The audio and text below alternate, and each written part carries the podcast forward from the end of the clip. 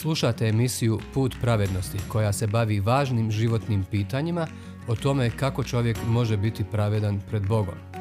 Ako imate bilo kakvih pitanja ili komentara vezano za današnju emisiju, na kraju ćete imati informacije kako nas kontaktirati.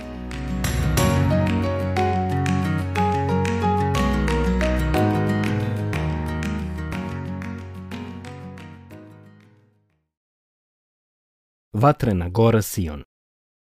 U prethodnoj emisiji smo vidjeli kako se Bog pobrinuo za potrebe plemena Izrela, tamo u goloj pustinji. Davao im je vodu iz stijene i nebeski hljeb, manu, kako ne bi propali. Vidjeli smo nažalost i kako je narod nevjerstvom i nezahvalnošću uvijek iznova izazivao Boga. Danas proučavamo Božju objavu i davanje svetog zakona. Naime, u Tori čitamo, u izlasku 19 na početku ovako. Tri mjeseca nakon izlaska iz zemlje Egipatske, istoga dana stignu Izraelci u Sinajsku pustinju. Stih 1. A gdje su sada stigli? Podno gore Sinaj. Sjećate li se gdje je Mojsije prvi put sreo Boga kada mu se obratio iz gorućeg grma? Da, baš ovdje, na ovom istom mjestu, na gori Sinaj. Bog mu je tada rekao, Vidio sam jade svoga naroda u Egiptu i čuo mu tužbu na tlačitelje njegove. Zato hajde, ja te šaljem faraonu da izbaviš narod moj, Izraelce, iz Egipta. Ja ću biti s tobom, nastavi. I ovo će ti biti znak da sam te ja poslao. Kad izvedeš narod iz Egipta, Bogu će te iskazati štovanje na ovome brdu. Izlazak, treća glava, sedmi, osmi, deseti i dvanaesti stih. I da li je gospod ispunio svoju riječ? Vidimo da jeste. A šta je sa Mojsijem ovom prilikom? Stoji pred mnoštvom od oko tri miliona duša, tu podno gore, baš kako mu je obećao onaj koji mu je govorio iz gorućeg grma. Pogledajmo sada opet kako mu se javlja i govori. A Mojsije se popne k Bogu. I Jahve ga zovne s brda pa mu rekne. Ovako kaži domu Jakovljevu, proglasi djeci Izraelovoj. Vi ste vidjeli što sam učinio Egipćanima, kako sam vas nosio na orlovskim krilima i k sebi vas doveo. Stoga, budete li mi se vjerno pokoravali i držali moj savez, vi ćete mi biti predraga svojina mimo sve narode. Ta moj je sav svijet. Vi ćete mi biti kraljevstvo svećenika, narod svet.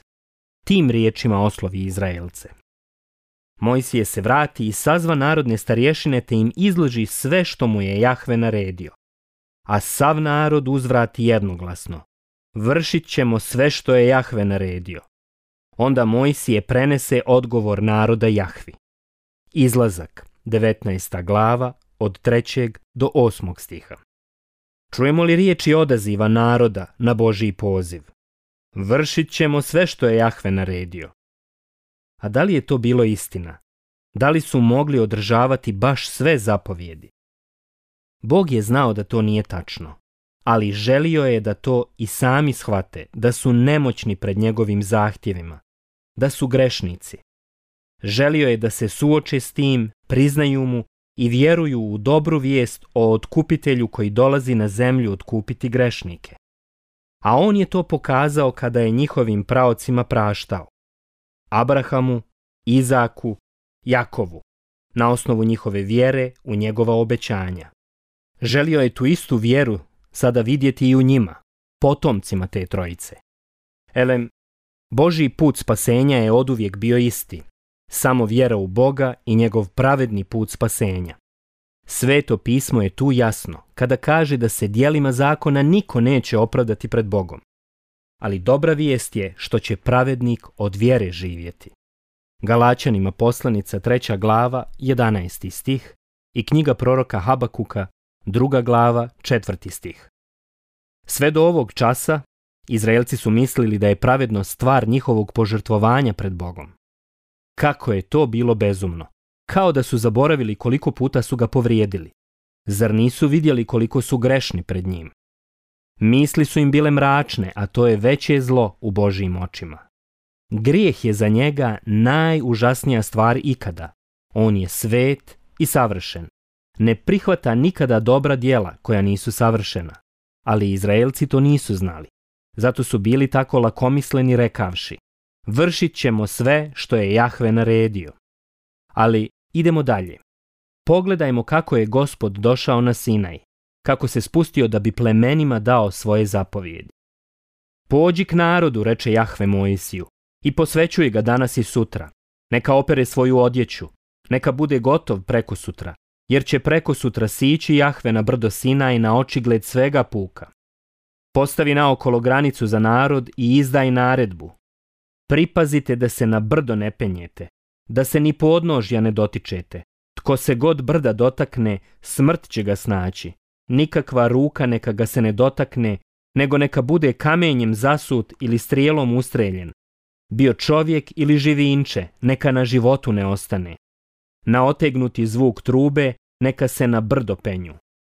A preko sutra u osvi dana prolomi se grmljavina, munje zasjevaše, a gust se oblak nadvi nad brdo. Gromko zaječa truba, zadahta sav puk koji bijaše u taboru. Mojsije povede puk iz tabora u susret Bogu. Stadoše na podnožju brda.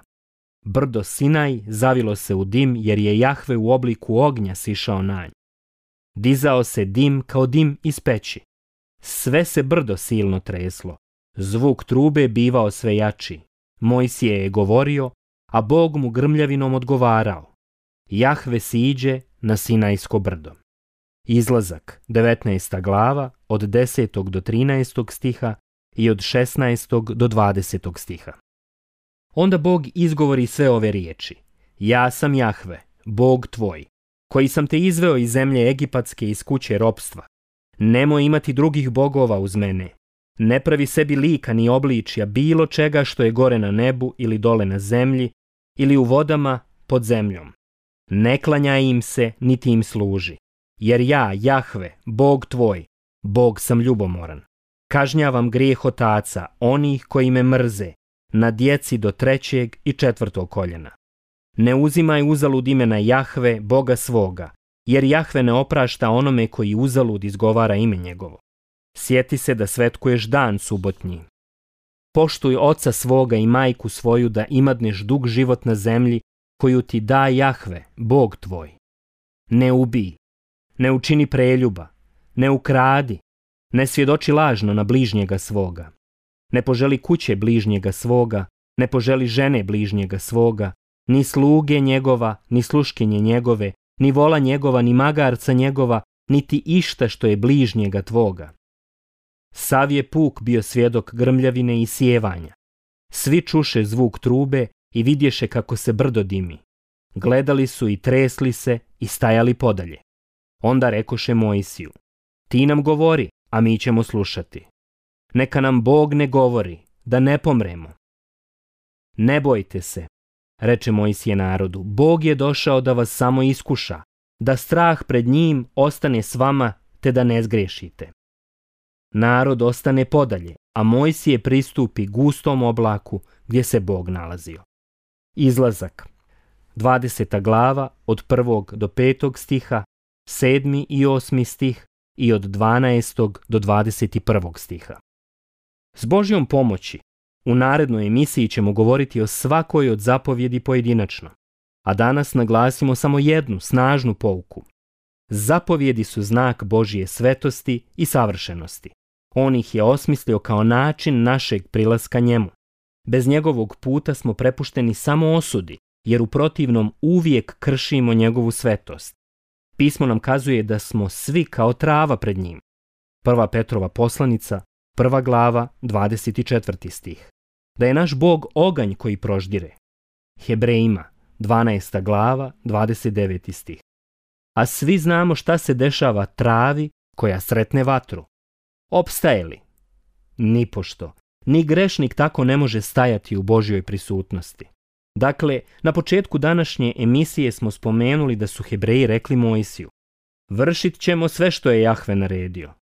Rekli su to olako jer nisu prepoznali Božju svetost.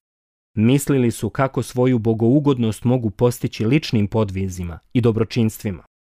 Ali nakon što se Bog objavio na gori Sion, sve se promijenilo. Vidjevši pojave božanske prisutnosti, munje, gromove, vatru i dim, čuvši Boži glas koji grmi svetim zapovjedima, uplašili su se i uzmakli. Rekli su svom vođi, ti nam govori, a mi ćemo slušati. Neka nam Bog ne govori, da ne pomremo. Izlazak, 20. glava, 18. i 19. stih. Počeli su shvatati ko je Bog, koliko je svet i kako mu je nemoguće prići.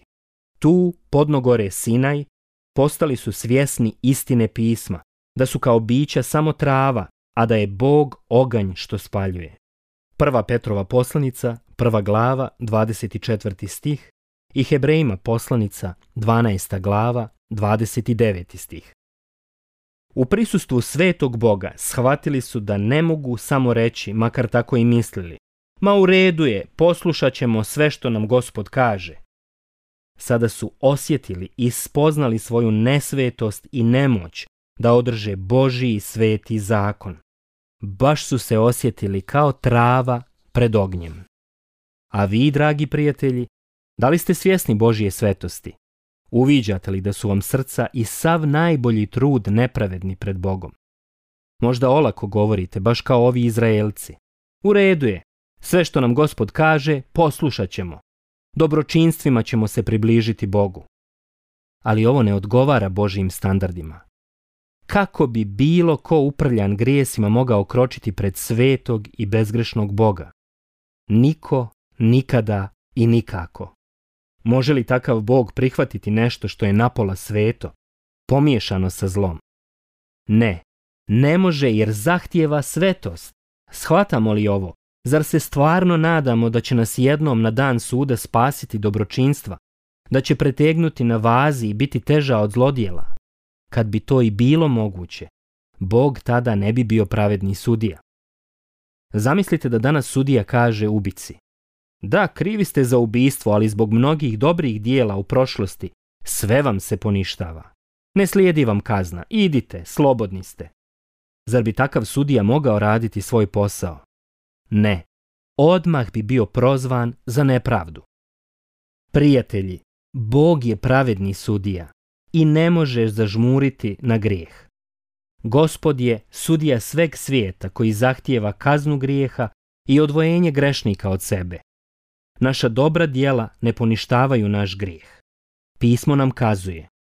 Tako svi posta smo nečisti, a sva pravda naša ko okaljane.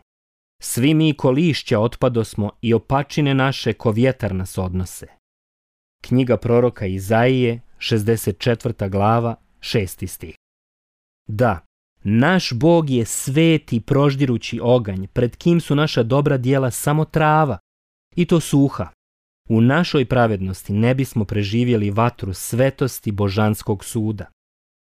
Jesu li se Izraelci usudili približiti Sinaju koji je grmio u vatri nebeske svetosti? Jesu li se pokušali popeti tamo, bliže Bogu? ma ni približili se nisu od ciline munja i gromova. Zaista sva je gora ličila na užarenu peć. Čitamo da su se tresli od straha. Ali strah im je postao dobar saputnik ovog putovanja. Baš kako kaže mudrac da je strah gospodnji početak mudrosti. Mudre izreke prva glava, sedmi stih. Dragi prijatelji, hvala vam što ste nas slušali. U narodnoj emisiji govorimo o pojedinačnim zapovjedima koje je Bog dao Hebrejima na gori Sion. Neka vas Gospod sve blagoslovi dok razmišljate o riječima onoga koji je ipak riješio za sve ovaj strašni problem. Jer plaća je grijeha smrt, a dar Božiji jest život vječni u Kristu Isusu, gospodinu našem. Rimljanima poslanica, šesta glava, 23. stih.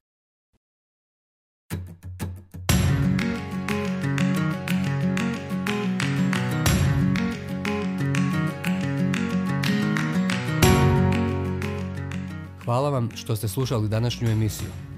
Kontaktirajte nas putem našeg e-maila putpravednosti.bih.gmail.com ili putem naše Facebook stranice Put pravednosti. Do sljedećeg slušanja.